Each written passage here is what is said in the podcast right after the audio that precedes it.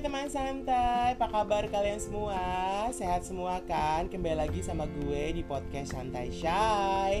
Podcast yang membicarakan apa pun yang menarik tapi tidak serius Tapi juga jangan bercanda, tidak main-main. Yang pastinya santai aja say Nah teman santai, pada kesempatan kali ini nih ya Gue tuh collab lagi dengan seorang desainer. Hmm, yang kebetulan gue juga udah kenal lama ya teman santai gak dilarang sih untuk mikir bahwa gue tuh udah tua ya kenal sama orang banyak sejak lama. Nah gue bisa disebut uh, gini bisa disebut beliau ini menjadi bidang tamu di podcast gue lah gitu. Boleh lah ya. Dan gue bersama dengan Adi Barlan. Hai, iya. Adi Barlan apa kabar? Baik, terima kasih udah diundang lo ke podcastnya. Iya, sama-sama mau juga. Terima kasih juga udah mau uh, diganggu waktunya dengan uh, podcast saya. nah, kalau kalian tuh nggak tahu siapa Adi Barlan ya, teman santai ini kalian boleh cek di Facebooknya beliau ini ya dengan nama yang sama Adi Barlan atau juga cek di Instagramnya @adibarlan ya, begitu ya Instagramnya ya. Oke. Okay kalau bisa uh, kalau enggak dia juga punya channel YouTube.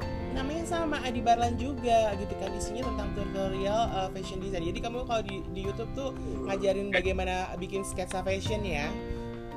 Iya bener banget. Uh, Ian aku ngajarin sketsa fashion. Eh aku nyapa dulu dong oh, ke iya, teman santainya Ian Iya. Kan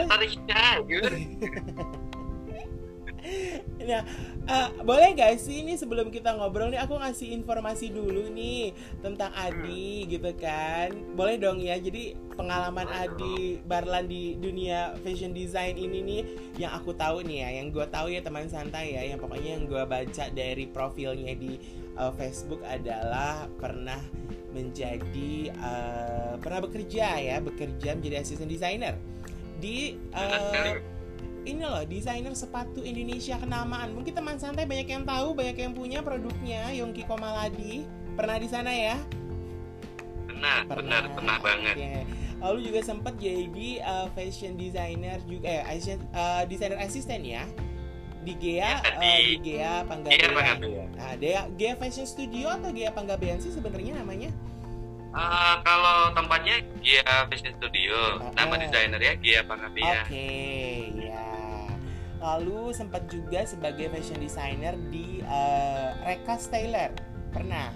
Ya Reka Taylor sama PRD Taylor itu juga. Itu uh, buat bikin bikin baju-baju pria ya baju-baju busana pria ya semacam suit atau jas gitu?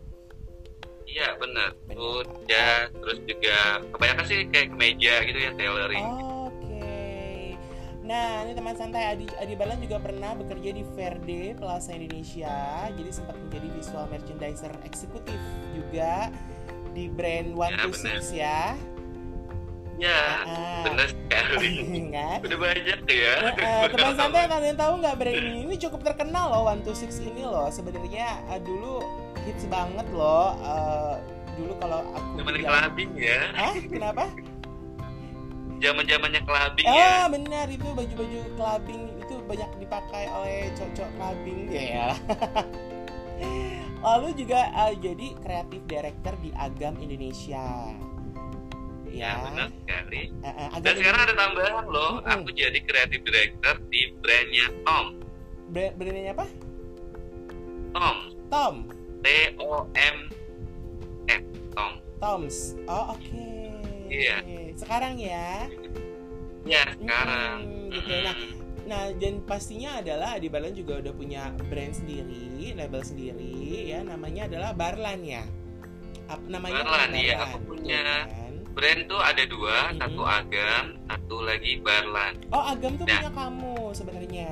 Iya punya aku sebenarnya, hmm. cuman aku lebih banyak menggambarnya doang aja tapi aku juga konsepin. Tapi kalau untuk produksi memang udah ada yang pegang juga oke. Okay. itu punya aku oke. Nah teman santai yang muda-muda atau yang ingin mengasah keterampilan nih dalam dunia fashion bisa nih ngikutin uh, apa namanya YouTube-nya Adi Barlan. Ya kan? Iya bener. benar jadi bisa ikutin bagaimana tutorial bikin sketsa baju atau uh, membuat desain busana yang seperti itulah gitu maklum teman santai saya nggak punya channel YouTube ya jadi kalau saya mau ngajarin saya mesti bikin dulu channel YouTube Tapi aku senang banget loh Ian ini pinter banget buat apa ya namanya berbicara, mengolah seperti ini. Senang deh dengernya kayak punya radio beneran banget. ah, amin mudah-mudahan doain lah kalau ada tiba-tiba ada stasiun radio yang mau uh, membooking saya loh membooking meng-hire saya menjadi penyiar radio. Wah, nggak boleh juga. Nah uh, apa namanya uh, kita balik eh, kita ngobrol-ngobrol ya. Aku mau nanya nih sebenarnya nih Adi tuh kapan sih suka banget dengan dunia fashion atau jatuh cinta dengan dunia fashion tuh sejak kapan gitu? Aku sebenarnya awalnya tuh nggak pingin jadi fashion designer Ah. asli, sumpah. iya. Tapi dari itu kakak aku tuh kakak sebenarnya kakak sepupu bilang kalau aku berbakat katanya Mm-mm. menggambar. Mm-mm. Cuman aku dulu tuh dari SMA memang sukanya menggambar apa untuk komik ya, komik-komik gitu. Ah. Cuman nggak kesampaian membuat cerita karena aku bingung bikin cerita. Oh kayak komik-komik komik-komik. Jepang begitu ya? Semacam Iya, itu. komik-komik Jepang. Oh, bener. kesukaannya dari kayak baca manga, manga. Manga, ah, ah, aku semua aku baca tuh ah. dari eh, yang laki-laki, yang Conan aku baca, yang Candy Candy baca juga. Kung Fu Boy baca Kung Fu Boy. Kungfu Boy baca Aku juga. baca banget tuh dulu. Kung Fu Boy, Dragon bener. Ball, aku baca semua. Mm-mm. Jadi dan dari situ tuh kayak aku sebenarnya mau bikin cerita, mau bikin komik, cuman nggak Mm-mm. kesampaian. Aku kok susah mengalir cerita ya, kayak ternyata itu punya ke- keahlian khusus. Akhirnya aku gambarin baju, terus baju baju baju, dan akhirnya ikut lomba, dan aku menang gitu. Oh, gitu. Jadi nggak sengaja semua sih, gitu. gitu. Ikut lombanya tahun berapa ya itu? Kenapa? Ikut lombanya tahun berapa kira-kira? Aku ikut lombanya tahun 2004. Oh 2004. Udah tua ya. Ah, jangan ngomong gitu, aku lebih tua kayaknya. Tapi emang iya, aku juga juga awalnya apa kenapa aku jadi eh, suka juga dengan eh, dunia maksudnya gini, aku juga suka dengan dunia merancang busana itu adalah juga karena dari eh, baca komik Jepang atau manga itu gitu. Jadi terus akhirnya juga dibuat dibuat ya baju-bajunya dan segala macam kayak gitu sama kurang lebih lah ya karena kesukaan pada sesuatu lah gitu. Terus yang memotivasi Adi apa sih untuk terjun ke dunia fashion design ini gitu loh? Nah, Gitu. waktu aku dapet kuliah itu, jadi aku dapat beasiswa tuh kuliahnya Ah, Iya. di Lasal College. Iya. Nah, aku pertama waktu mikirin ah paling juga sekolahnya sama-sama aja deh yang kayak biasa-biasa aja gitu kan. Mm-mm. Cuman ini aku kayak dikasihin ilmu banyak, terus kayak aku ngerasain bahwa ini adalah aku banget ternyata karena eh, hayalan yang aku hayal itu bisa kayak di di apa namanya disalurkan terus Oke. eh, bisa menjadi sesuatu. Nah Oke. itu yang selama ini aku nggak dapatkan. Gitu. Oh gitu. Jadi aku tertarik banget ya. Iya iya iya. iya. Nah, teman santai kan dunia fashion tuh kan cakupannya luas ya. Jadi bukan sekedar menjadi fashion designer juga gitu kan, tapi juga bisa kayak kayak aku nih yang menekuni tata kostum, tata busana, fashion stylist gitu. Atau beberapa yang menekuni bidang menulis dalam eh, tentang fashion juga ya. Jadi kayak dulu kan zaman ketika majalah masih bentuknya fisik banyak juga para penulis-penulis tentang fashion dan gaya hidup gitu. Nah, kapan sih Adi tuh pertama kali bikin karya artinya gini eh, mulai karya itu Ah. bukan di dalam di sekolah ya artinya eh, karya yang akhirnya dikomersialkan Di oleh luar itu ya? eh, secara komersial tuh Aku kapan? komersial ya. Mm-mm. Pertama sekali itu aku inget banget bikin itu baju. Kalau yang untuk special order aku udah lupa ya karena eh, udah lama banget dan jarang aku juga terima. Tapi aku inget banget waktu pertama kali aku berjualan. Oke. Nah aku tuh punya toko dulu di ITC Ambassador. Heeh. Aku punya toko di situ terus aku bikin koleksi dan di situ 2009 eh 10 10 berarti aku pertama kali mulai itu eh, langsung komersil sih dan untungnya langsung masuk ke alun-alun. Jadi naik kelasnya langsung ke alun-alun Oh. Indonesia. Itu cocok banget ya. Dari ITC Jadi langsung ke dulu pakai dulu bajunya ya. Aku suka pakai baju aku. Jadi ketemu orang semuanya melihat terus langsung beli gitu. Iya, tapi juga emang itu salah satu trik sih bagaimana kita uh, berpromosi ya, artinya uh, pemasaran pemasaran untuk kita memperkenalkan produk kita sendiri lah kita dengan menggunakan baju-baju yang kita bikin gitu. Dan ada orang kan oh bajunya kok lucu ya? Suka ya bikin di mana? Ini bikinan aku. Misalnya kayak gitu gitu kan. Ah, jadi memang uh, bener sih uh, salah satu trik juga untuk uh, untuk uh, istilahnya bikin bikin uh, penjualan lah gitu mem memarketingi Iya. ya memarketingi bahasa gue. Dan aku setelah mikir sih Yan aku tuh cocoknya jadi lebih kayak mass product sih. Maksudnya nggak mass product banget tapi aku kayak piece by piece itu agak kurang sih. Jadi kayak terima kalau order agak kurang. Jadi aku sukanya kayak menghayal kayak koleksi banyak terus Mm-mm. aku langsung retail uh, bikin mungkin banyak gitu. Mungkin bisa Retail dibilang aku adalah lebih- retail ya? Hmm, ya retail seperti aku retail gitu. gitu ya gitu. Nah ternyata teman santai Adi ini juga uh, menjadi uh, sekarang entah masih atau enggak menjadi desainer freelance.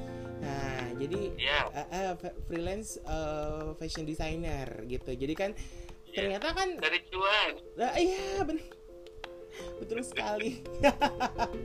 Benar jadi memang sebenarnya dunia dunia freelance itu cakupannya juga banyak banget ya teman santai hampir hampir semua tuh bisa jadi dijadikan freelance gitu kan Eh, financial consultant aja juga bisa jadi freelance dan ternyata fashion designer juga bisa jadi freelance gitu itu gimana sih caranya waktu bisa jadi eh, freelance dis- fashion designer itu tuh gimana Nah itu juga aku tuh sama kayak Ian kayaknya ya hobinya bergaul ke mana pun. ya jadi ah, jadi aku temennya tuh banyak sekali kata orang ya. Tapi aku Hmm. pikir-pikir juga banyak banget. Jadi mereka tuh kayak karena aku sering pakai kaos aku, terus aku suka pakai ini. Jadi dan aku share di Facebook ya waktu itu. Dan ada pada mesen-mesen, mesen-mesen, mesen sampai sekarang gitu. oh begitu Dan aku selalu mengerjakan aja satu kayaknya ya sama kayak aku ngerjain pakai hati banget sih. Ih. Kayak apa pun kerjaan kecil tuh aku pakai hati. iya Terus benar kayak misalnya kayak bordir kayak gini doang tuh Ah, pakai hati. iya eh, eh, eh. Iya. Jadi- Ah, sederhana banget Iya. sih. Dan emang eh, koleksi terakhir yang aku bukan terakhir ya istilahnya tahun lalu tuh sempat melihat koleksinya Adi Barlan teman santai dia tuh punya bordir-bordir yang lucu banget ya gambar-gambarnya burung-burung kayak gitu tuh. Itu tuh Iya, keren banget. dan sekarang dan sekarang teman santai dia pakai loh kemeja itu.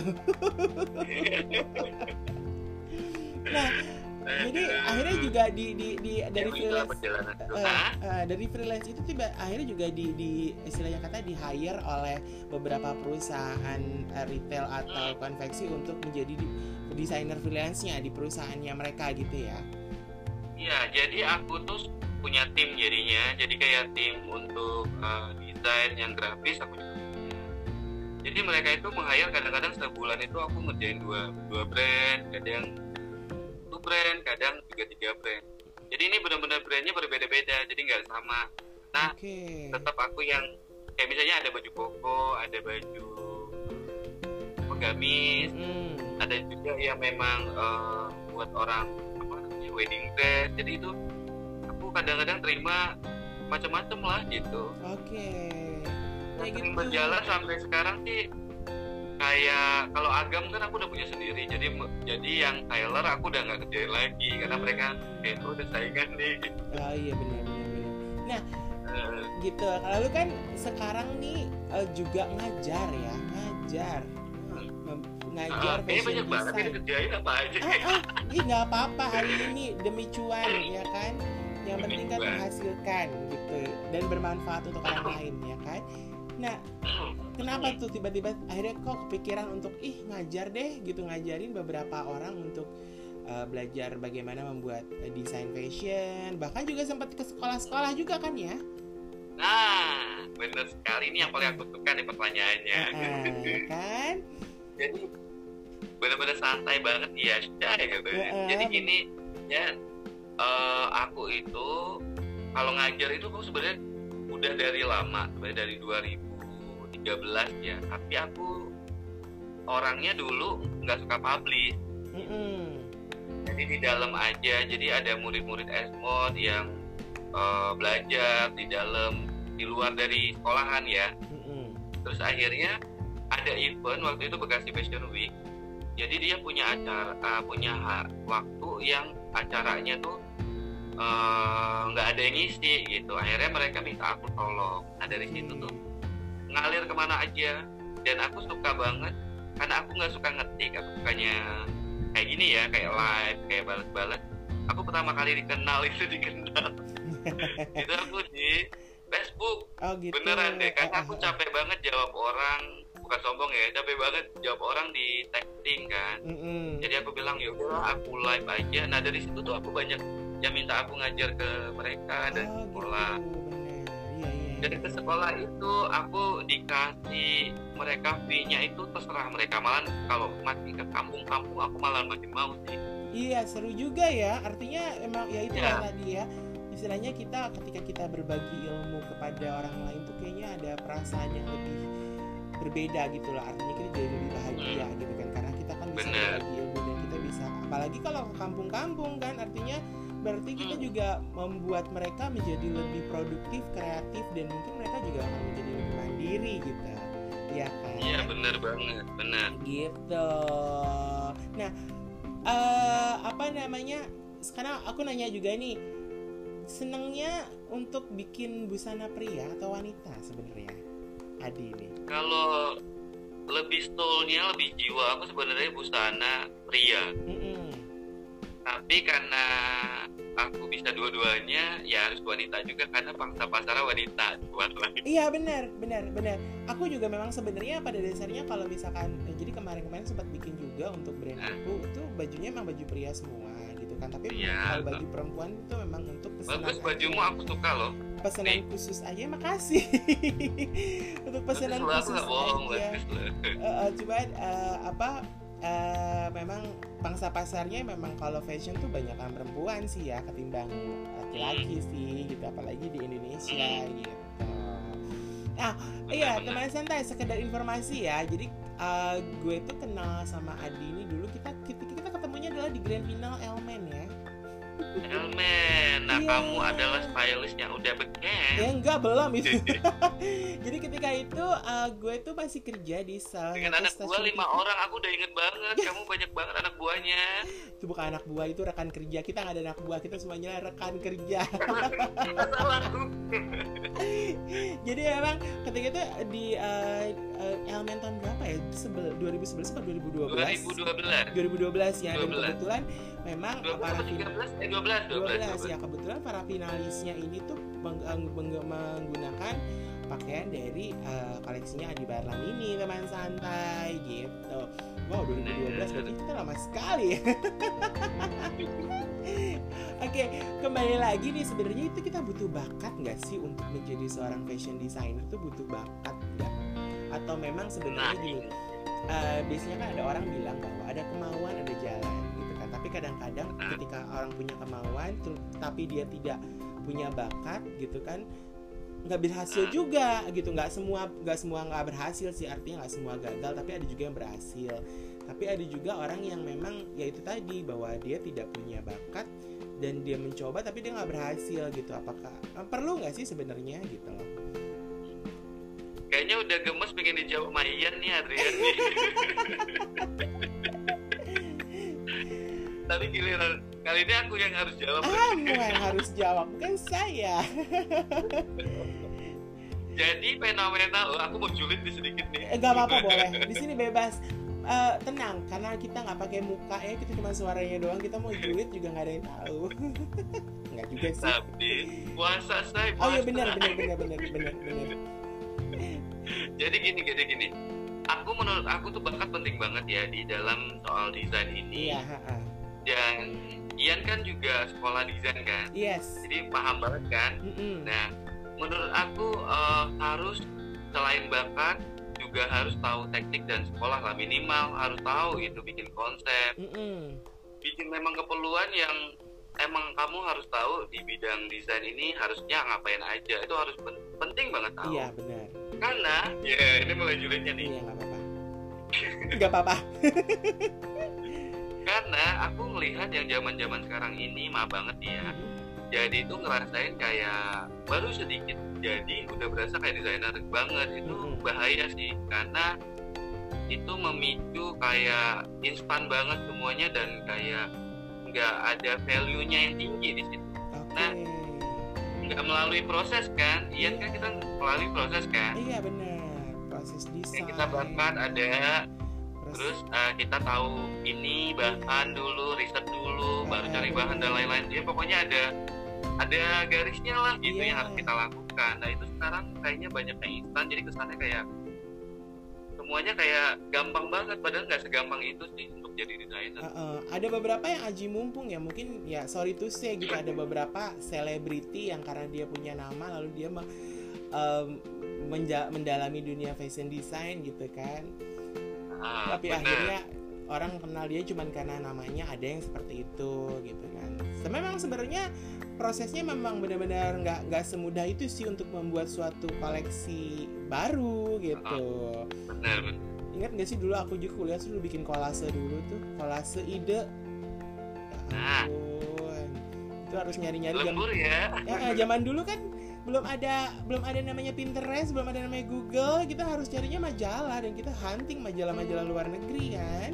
Benar Zaman benar dulu. benar. Dan memang aku sampai sekarang pun masih tetap pakai majalah loh sebenarnya tapi emang Iya. agak susah sekarang ya. Iya karena memang karena itu gambarnya lebih jernih gitu. iya benar dan memang lebih lebih apa ya lebih bagus aja gitu. Kadang kalau kalau kita di, di, di- dengan gadget sekarang kita download gitu kan gambar kadang-kadang pas kita print kita besar ternyata kekecilan kita besarin pecah gitu. Dan segala ya itulah kendalanya ya plus minus lah ya. Zaman juga makin berubah gitu kan. Nah di era teknologi nih gitu kan kamu tuh sendiri bis- lebih sering bisa menggunakan aplikasi desain yang sistemnya komputerisasi atau manual sih? Sukaan mana tuh Kalau aku semuanya nge-mix sih sekarang. Nge-mix ya? Tapi banyak kan karena aku udah banyak yang bantu, Mm-mm. jadi aku lebih banyak manual sih. iya iya iya iya Bikin iya. koleksi manual sih banyak. kamu ngerasa nggak sih kalau kita tuh bikin bikin sketsa manual tuh seperti kita tuh menumpahkan jiwa kita dan emosi kita ke gambar yang kita bikin tuh Banget, Iya banget. kan? ketimbang banget. dengan komputer karena kan dengan komputer kan tekniknya terlalu apa sih ya secara teknis harus ada trik ini trik ini trik ini gitu tuh Iya bener. Lamban juga kan, kayak tarik-tarik kayak karena lebih feeling enak sih kayak drawing udah biasa. iya bener gitu Ya. karena Lebih ngalir, lebih uh-uh. mencurahkan. Iya, feel. Makanya pas, pas ketika bajunya itu jadi juga kayak ada soul kita ada di baju itu sih sebenarnya ketika kita Hmm. desain. Kalau ah, menurut aku ya. Aku juga kok sama sih. Dan aku udah jarang banget juga pakai komputer untuk bikin teknik drawing udah udah lama banget juga nggak aku lakuin. Oh gitu. Tapi masih bisa aku udah lupa. Bisa sih, Kalau 3 aku 4 udah- tahun lalu masih bisa. 3 4 tahun lalu. Tapi kalau aku udah lupa sama sekali, aku harus belajar ya? lagi. Aku harus belajar lagi soalnya udah lupa bener-bener blank karena nggak pernah kepake karena selalu dengan tangan. Karena kamu sekarang udah beda banget dalam melakukannya Ah. gitu. Iya sih ya.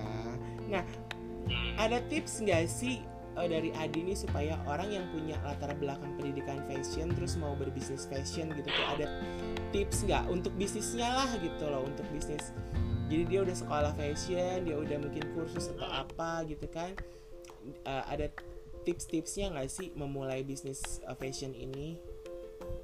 Kalau aku ngerasain uh, perjalanan aku panjang banget ya. Iya, bener. Ya, Jadi ini aku termasuk desainer yang mu- mudinya tinggi Iya. awal-awal. Mm. Karena kayak berasa kayak gak butuh cuan-cuan dan mani-mani. nah, dua tahun pertama berjalan itu aku bangkrutnya udah tewas-tewasan. Jadi kayak orang tua aku udah bilang mau pinjem mau pinjem lagi gitu ya. ya oke. Pinjem ke mana lagi gitu kan? Mm. setelah berjalan eh, dari 2012 ke 13 tuh aku udah mulai agak stabil untuk memulai produksi sendiri gitu. Nah itu aku baru ngerasain bahwa oh ini make money juga ya, nggak cuma kayak hura-hura tampil-tampil tapi nggak ngasilin uang gitu. Mm-mm. Nah sebenarnya lebih kayak kita nyatuin kalau yang pengalaman aku eh, lebih nyatuin kayak ego kita sama kebutuhan pasar. Jadi kalau aku sekarang, kalau aku sekarang nih, jadi aku ceritain dulu baru aku akan ngasih tipsnya Iya ya. iya iya boleh boleh. Jadi kalau aku sekarang itu uh, maduin jadi aku pisahin kalau yang Barlan itu lebih kayak egonya aku sendiri iya dan aku udah tahu budgetingnya segitu. Uh -uh. mau laku mau nggak laku aku udah risiko tuh. Iya. Kalau yang agam aku udah lebih ready to wear dan itu aku harus mengikuti pasar. Mm-mm. jadi e- ego yang aku berikan feel aku soulku itu ada 30% di situ. Jadi nggak kayak yang Barlan itu 100% kalau yang agam aku jualan cuma 30% jadi aku ngikutin pasar apa yang mau aku suka repeat sih. Oke. Jadi tips, aku tips aku ya berarti ya Iya, tips benar. aku buat teman-teman desainer yang baru memulai atau memang ingin uh, jalan gitu ya kalau aku dibilang berhasil banget belum belum sehebat yang lain lainnya tapi aku ngerasain kayak udah jalan juga lah ini jadi aku ngerasain kalau kita tuh harus tahu target kita banget siapa jadi Mm-mm. diferensiasi kita siapa iya dan kita tahu diri kita apa untuk kita uh, berikan kepada masyarakat yang ingin beli kan? Mm-mm. dari dari kita. Terus segmen kita juga harus, harus jelas ke mana gitu. Kelasnya mau siapa mau laki mau perempuan mau apa pun gitu. Kita pasti semuanya pada punya kelas. Nah aku dulu pernah nih ya gara-gara kelas. Aku Mm-mm. gara-gara kelas aku kayak ke, kebingungan gitu. Mau jual yang murah apa yang mahal karena Iya. prosesnya panjang. Heeh. tapi orang pinginnya murah apalagi zaman dulu ya 2010-an awal tuh kayak orang-orang tuh gak ngargain banget desainer sih. Iya betul. masih masih ya. Iya benar apalagi yang baru-baru ya iya iya betul betul betul. Ah, ah, ah. pernah ngerasain gak? pernah apa banget. kamu langsung dibeli 5 juta langsung ke Enggak. mejanya kan? enggak enggak. Itu kita ngasih harga cuma sejuta dua sejuta setengah aja kayaknya kita, kita udah di hah? Nggak bisa lebih murah? Gitu doang. Hah? prosesnya aja udah wow. Pasti udah begitu tuh. Jadi uh, kelasnya kita juga harga. Jadi gara kelas harga dan lain-lain itu dan tetap berkarya dan semangat. Jadi ja- kalau ada lagi pernah nih proses yang tahu dua tahun lalu selalu dengerin orang-orang. Jadi kayak denger dengerin orang-orang malah bikin pusing. Jadi dengerin aja iya sih.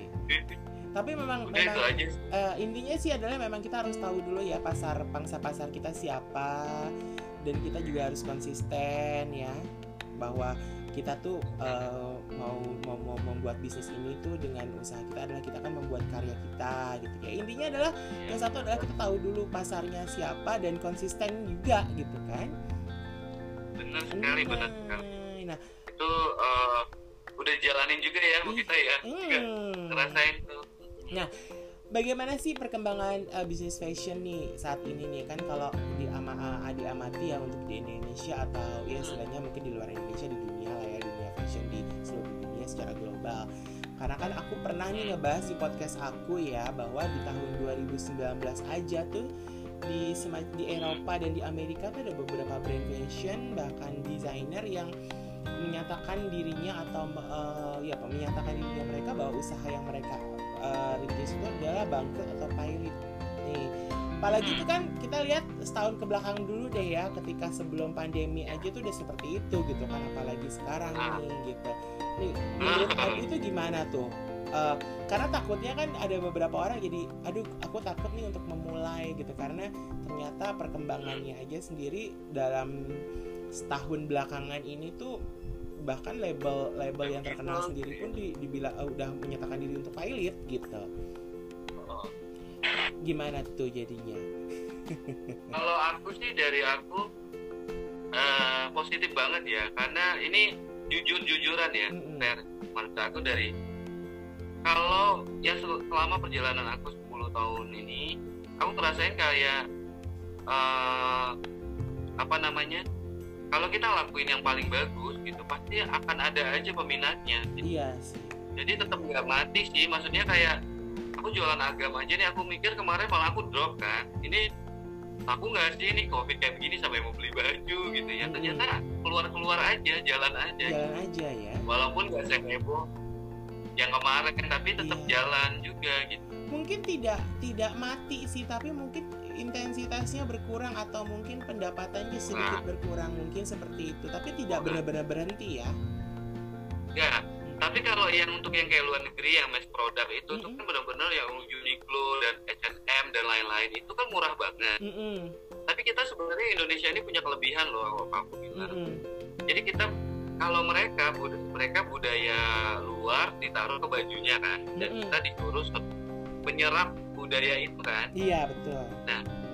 Kenapa kita nggak mau nawarkan juga budaya Indonesia ini kepada mereka atau kepada lingkungan kita sendiri? Dan aku melakukan itu sih memang di brand aku kayak etnik, ekletik dan modern. Jadi tiga tagline itu aku tetap jalanin terus buat yang dibahas ini. Makanya ada burung Papua dan lain-lain eh, promo nggak apa-apa promo aja tapi emang oh itu burung Gitu Papua ya. ya itu burung Papua apa burung Iya, ini namanya burung Papua. Aku gambar ulang. Jadi judulnya tuh Puas Porta, yaitu Papua dan sport. Waktu aku suka waktu masih nge-gym dulu. dan sekarang sudah melar ya. Jadi sebenarnya Yan, aku menurut aku sih kemarin sih emang pesimis ya. Tapi setelah perjalanan yang COVID ini pun aku rasain kok, lah minggu ini aja aku masih jualan gitu, masih ada yang beli. Ternyata memang kalau kita lakuin yang bagus dan baik dan tepat sasarannya, Mm-mm. pasti ada yang ngeklop lah maksudnya pasti ada pembelinya gitu iya iya iya iya benar-benar tapi tapi rajin itu promosi tapi itu kamu koleksi yang kamu jual itu yang banyak pesanan itu yang ready to wear atau mungkin yang memang emang ya bikinnya tuh ya kau harus pesan dulu gitu atau mungkin ada yang pesan khusus gitu? Enggak. Ini ready to wear banget Ready ya wear murah-murah banget yang dari harga 250 ribu. Oke. Sampai 5 oke. 500 ribu. Apa yang 500 ribu ya tapi ya yang kalau Iya. ada yang ada yang pesan-pesan nggak yang pesan-pesan gitu yang desain khusus gitu masih ada juga masih jalan juga kalau desain khusus bulan ini aku ada yang pesan yang bajunya di atas 3 jutaan masih sih tapi cuma satu orang Gak apa-apa yang yang mahal eh, cuma satu orang tapi kan yang yang kecil banyak harganya udah lebih mahal daripada Iya. yang gede gitu. bahkan sebenarnya kalau yang kayak masa sekarang ini tuh kayak merasa kayak bersyukur banget apa pun didapat sih ya gitu Iya, kayak ternyata memang aku malah dibukakan mata dan hatiku ya di saat covid ini loh beneran iya, kayak bener. ini kan sepi sunyi banget kan Heeh. tapi tetap bisa menjalanin hal ini tuh udah suatu kenikmatan yang luar biasa dikasih Iya. Tuhan sih Iya iya ya, itu mungkin berkahnya kali. tidak ya. memecat orang gitu kan Iya iya iya berkah banget gitu loh. Istilahnya itu Berkah benar-benar yang gitu. Benar-benar yang ya istilahnya eh ya memang nggak semua orang juga mungkin bisa seperti itu ya. Tapi itu adalah satu berkah. Ya mungkin itu adalah berkah yang Adi dapat karena Adi suka memberikan ilmu kepada orang lain membagi-bagi ilmu. Kan kita nggak pernah tahu. Amin. Nah, ngomong-ngomong bagi ilmu tapi kenapa kenapa? Ada satu lagi aku mau tambahin Ah, ah. nih. Jadi teman-teman desainer kemarin-kemarin itu yang waktu uh, Zara, H&M dan lain-lain ya Uniqlo oh, oh, malah oh, di oh, oh. masuk ke Indonesia. Heeh, itu kan pada shock dan ngerasain bahwa ini bakalan bertempur sama mereka gitu ya. Mm-mm. tapi tidak ya. Kayak kamu aja. Kamu bikin kemeja kan tetap ada sentuhan Indonesia. Ada outer. Jadi kalau kita memberikan sentuhan sesuatu yang memang Indonesia maksudnya yang memang ciri khas kita lah ya itu pasti bakalan value-nya lebih beda kok Iya, sama orang yang iya benar. kaos biasa atau kemeja Iya. biasa dari luar itu itu. Karena karena walaupun gini- dia semurah-murahnya iya gitu. benar benar. Karena kalau menurut aku ya sebenarnya kayak kita gini kita membuat sesuatu yang ada ada sentuhan etniknya gitu. Malah justru orang membeli busana kita adalah untuk sesuatu yang mereka eh, istilahnya gini mereka eh, mau datang ke acara-acara spesial. Itu justru malah ke ya, kita benar. karena kalau kayak ke macam H&M, Zara ataupun kayak ke Uniqlo atau apa ya mungkin karena untuk banyak kan ka- untuk keseharian atau untuk eh, mereka aktivitas sehari-hari justru nah justru baju kita mungkin lebih mungkin lebih ya kalau kasarnya adalah dalam kutip ya, derajatnya agak lebih tinggi shy gitu. Buat acara-acara kondangan shy gitu. Acara-acara yang eh, keren-keren shy gitu kan? Nah bener bener iya kan? Nah ini kan karena Adik kan juga istilahnya eh, ngajar bukan ngajar ya ngasih eh, cara tips atau bikin fashion sketsa tuh di YouTube tuh gitu kan. Mungkin kalau di sini kita ngomongin eh, teman santai harus be- berimajinasi sendiri ya. Kalau enggak teman santai nonton di channelnya Adi Barlan di YouTube. Ayo sekarang cek. Subscribe like dan komen. boleh. Ya, iya cepet. benar share Gak- komen ya kan? Nge like subscribe. Nah itu ini gimana sih? Nama share ya, Cai. Gimana sih tips bikin gini bikin gambar yang bikin gambar eh, sketsa yang nggak harus bukannya bagus ya tapi setidaknya dapat kita baca bahwa oh ini desainnya seperti ini gitu. Karena kan dulu kan kalau aku diajarinnya adalah kamu harus membuat gambar model atau sketsa fashion itu yang mampu dibaca oleh tim kamu artinya asisten kamu tukang kamu atau siapa pun yang ngebantuin kamu gitu. Nah, kalau aku diajarin dulu itu eh, ada dua ya. Jadi ada gambar kerja, ada gambar kita menghayal. Mm-mm. Nah, aku kalau gambar kerja nggak lulus lulus, jadi nggak cakep cakep gitu ya. Mm-mm. Jadi aku tuh gambarnya suka memang ngasal, tapi aku setelah perhatiin emang proporsi yang paling penting sih. Yes. Jadi kayak mau gambarnya tangannya panjang, mau apa, tapi proporsinya masih tetap enak. Iya. Nah, buat yang teman-teman menanyakan ini, tolong cek videonya. Iya benar. Kalau pengen tahu seperti Karena apa cek susah suara. karena susah cuma suara doang. gitu.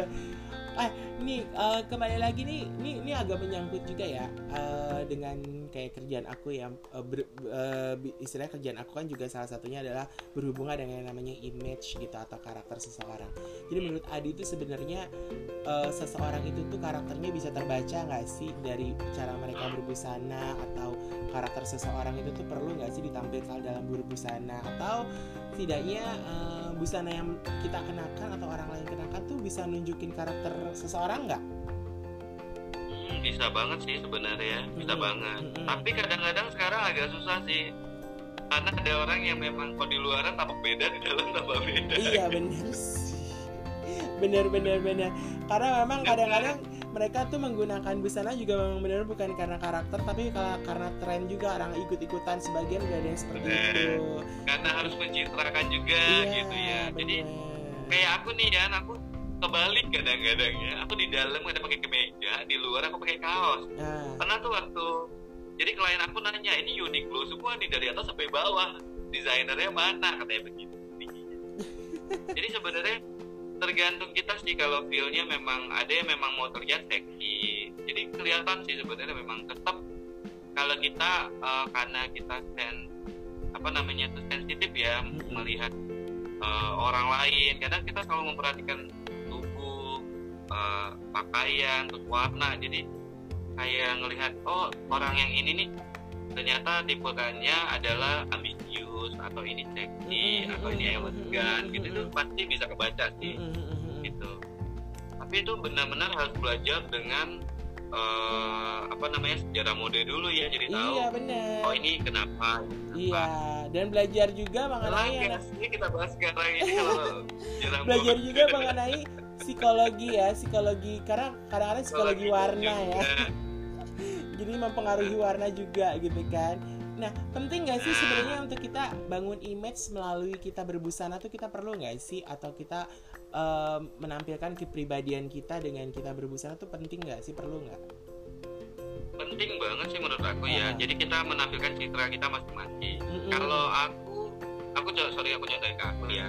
Aku uh, orangnya tuh free terus tidak mau terikat jadi aku tuh nggak ada pernah pakai perhiasan mau logam mau plastik aku jarang nggak ada pakai gelang suka ya?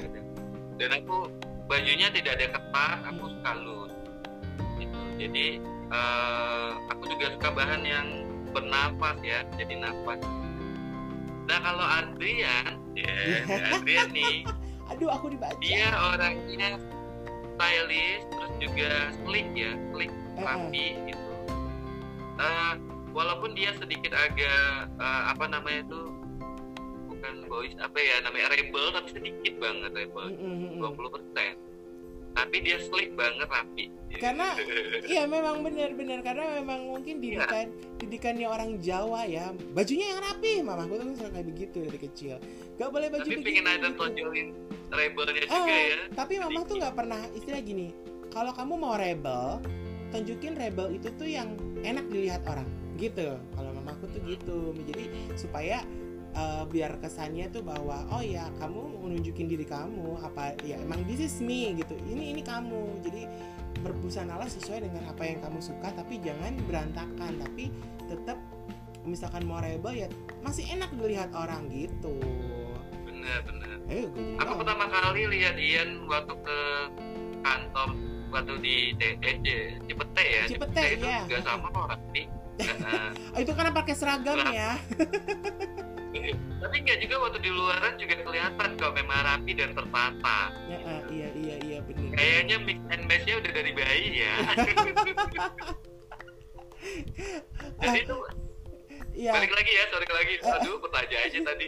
Memang benar-benar eh, cocok nggak ya eh, membangun karakter dengan apa tadi saya Eh, Dengan karakter membangun image atau karakter tuh dengan kita nunjukin eh, penting nggak penting nggak untuk eh, kita membangun Penting. image atau karakter dengan berbusana gitu nah misalnya kayak politikus dia juga Nah. harus memakai yang foto yang tegang Betul. dan tidak bleber-bleber ya jadi kayak betul tough gitu itu Betul. juga dari bahan dari warna juga tegas gitu. itu juga mewakilkan sifat dia terus kayak misalnya eh, mau jadi artis glamor gitu. Pasti kan glamor nggak mungkin pakai kaos yang robek-robek iya Bolong-bolong betul, betul betul. Nah dia juga harus pakai sesuatu yang glam gitu. Nggak yang mesti berpayet dan berbunga macam-macam kayak iya iya iya benar.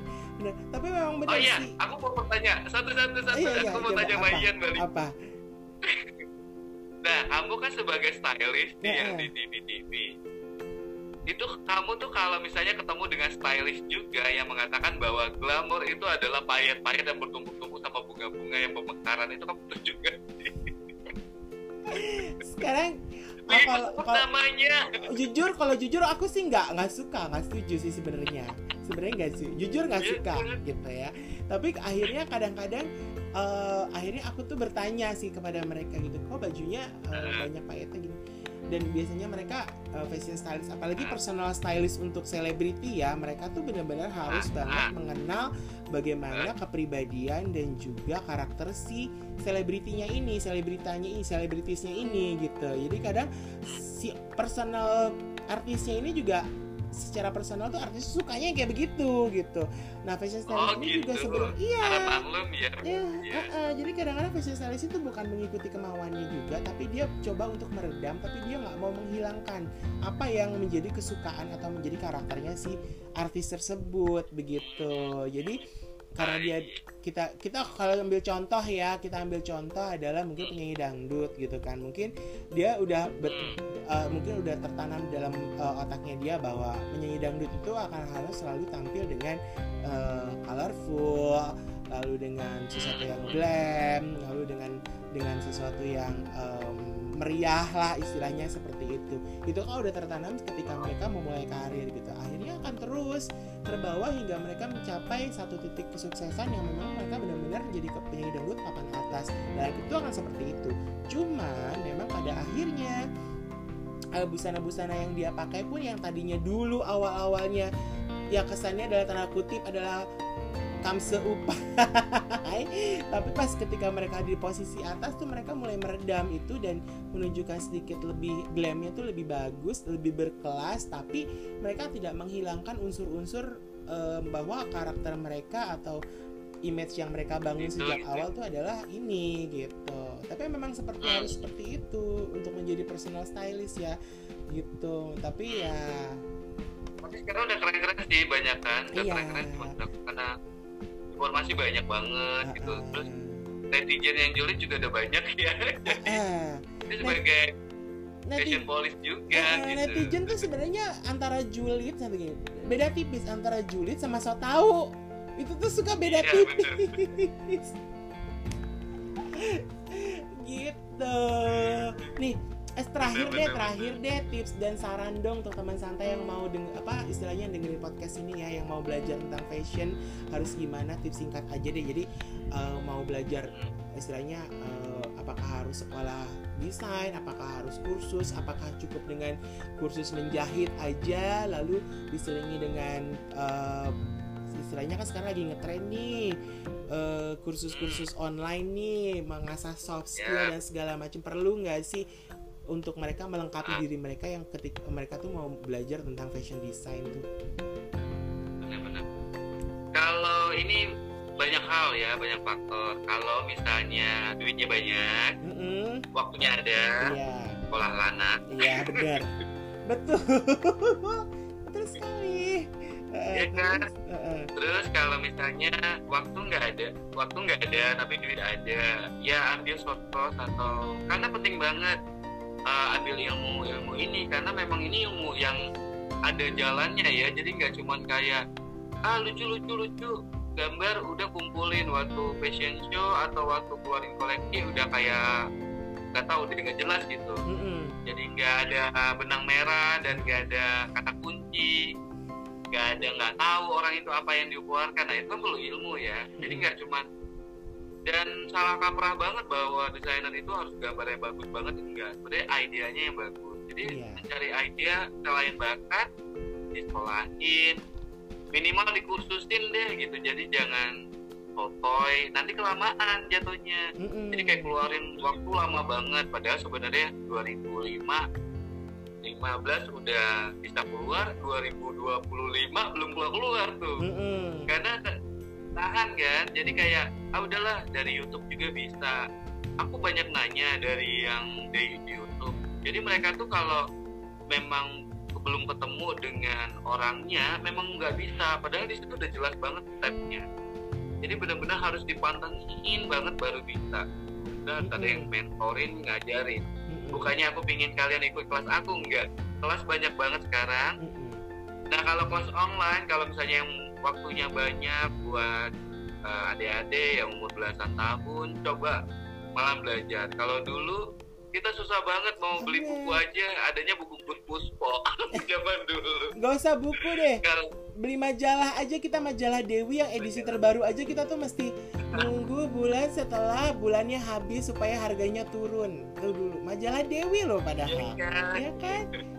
Itu supaya dia nanti harganya turun gitu. Kita terus seperti itu. Nah, sekarang kan sudah dimudahkan. Paling suka kalau ada uh, yang baik-baik hati ya kan? Iya, memberikan ikut dunia. Jarang-jarang. Tapi ini benar-benar maksud aku mesti belajar dan sekolah lah gitu. Jadi kalaupun misalnya memang sama-sama sekali nggak mampu waktu, uh, waktu waktu banyak tapi uang nggak ada ya uh, lihat-lihat aja yang di orang ajarin orang kayak tetap yes, jalan kok. yes, yes. Tuhan udah berikin kita apa namanya itu bagian-bagiannya iya, sih bener, gitu kalau menurut nah Ian kenapa aku mau ngajar-ngajar ini dan karena aku dulu belajar itu bukan orang yang udah langsung pinter banget. Jadi kayak aku benar-benar belajar mati-matian gitu untuk menjadi sesuatu. Jadi aku tahu kerasnya ingin jadi sesuatu gitu maksudnya belajar gitu ya. Jadi aku tuh kayak kasihan kalau orang yang kayak pingin banget tapi nggak mampu jadi aku sharing. Ah, iya. Itu sih. Benar, benar. tapi memang saya kayak mau hmm? iya memang benar. Gimana gimana? Jadi istilahnya even kita pun sekarang udah bisa atau kita udah pernah belajar tapi kita juga nggak berhenti belajar sih sebenarnya juga ya. Kita kan yeah, belajar terus tiap harinya. Karena perkembangan juga makin hari semakin ber, uh, istilahnya perkembangan zaman tuh makin naik meningkat meningkat perubahan juga makin banyak gitu kan. Hal-hal baru juga makin ada jadi kita juga nggak boleh ketinggalan gitu. Persaingan bisnis juga kita harus yes. belajar banget karena desainer makin banyak. Bener gitu. Ya kan? Uh, uh. duh terima kasih ya Adi udah mau gang mau diganggu nih waktunya untuk collab bersama aku di podcast aku Semoga aku juga senang banget udah diundang ke podcast kamu santai shy. Buat teman-teman santai shy terima kasih banget. Uh, kita dukung podcast Andrea. Ya. Ini kalau kalau kalau nggak lagi covid sih ya ketemu emang enaknya ketemu gitu sebenarnya. Ya. Cuma karena kita lagi ya, harus social distancing jadi kita menggunakan uh, teleconferencing jauh gitu. Dan itu emang ya udahlah ya nggak apa-apa. Yang penting tetap bikin sesuatu lah gitu kan. Nggak nggak bukan jadi penghalang aku juga seneng banget. Dan ini memang kayak kamu tawarin kemarin mengundang maksudnya aku juga langsung yes aku mau. Gitu. iyalah gitu. Oke sukses ya. buat Adi ya dengan semua rencananya. Ya, ya, ya. Juga ngajarnya tetap YouTube channelnya tetap berjalan subscribe-nya makin banyak Tuhanmu juga makin banyak, Amin. jodoh juga makin Amin. mantap. Sama-sama gitu kan. Jodoh setiap kecamatan jadi teman santai ya memang nggak salah ya kita mengikuti passion kita impian kita selama kita bisa berguna untuk diri kita bakal orang lain gitu nggak ada yang salah Hmm. gitu kan. Yang jelas sekarang adalah bagaimana kita bisa bertahan dan lebih struggle menghadapi situasi yang sekarang yang seperti sekarang ini gitu. Jadi jangan berkecil hati percaya bahwa Tuhan tuh punya rencana yang paling paling baik untuk kita semua umat manusia gitu kan untuk yang tujuan baik agar manusia tuh lebih ingat sama Tuhan juga gitu kan. Banyak berdoa serta berbuat baik untuk orang lain juga dan bermanfaat. Karena kalau kita juga bermanfaat untuk orang lain toh juga kita akan menerima manfaat yang juga kepada diri kita yang jauh lebih baik juga. Oke. Terima kasih sampai jumpa. Sampai Salam jumpa.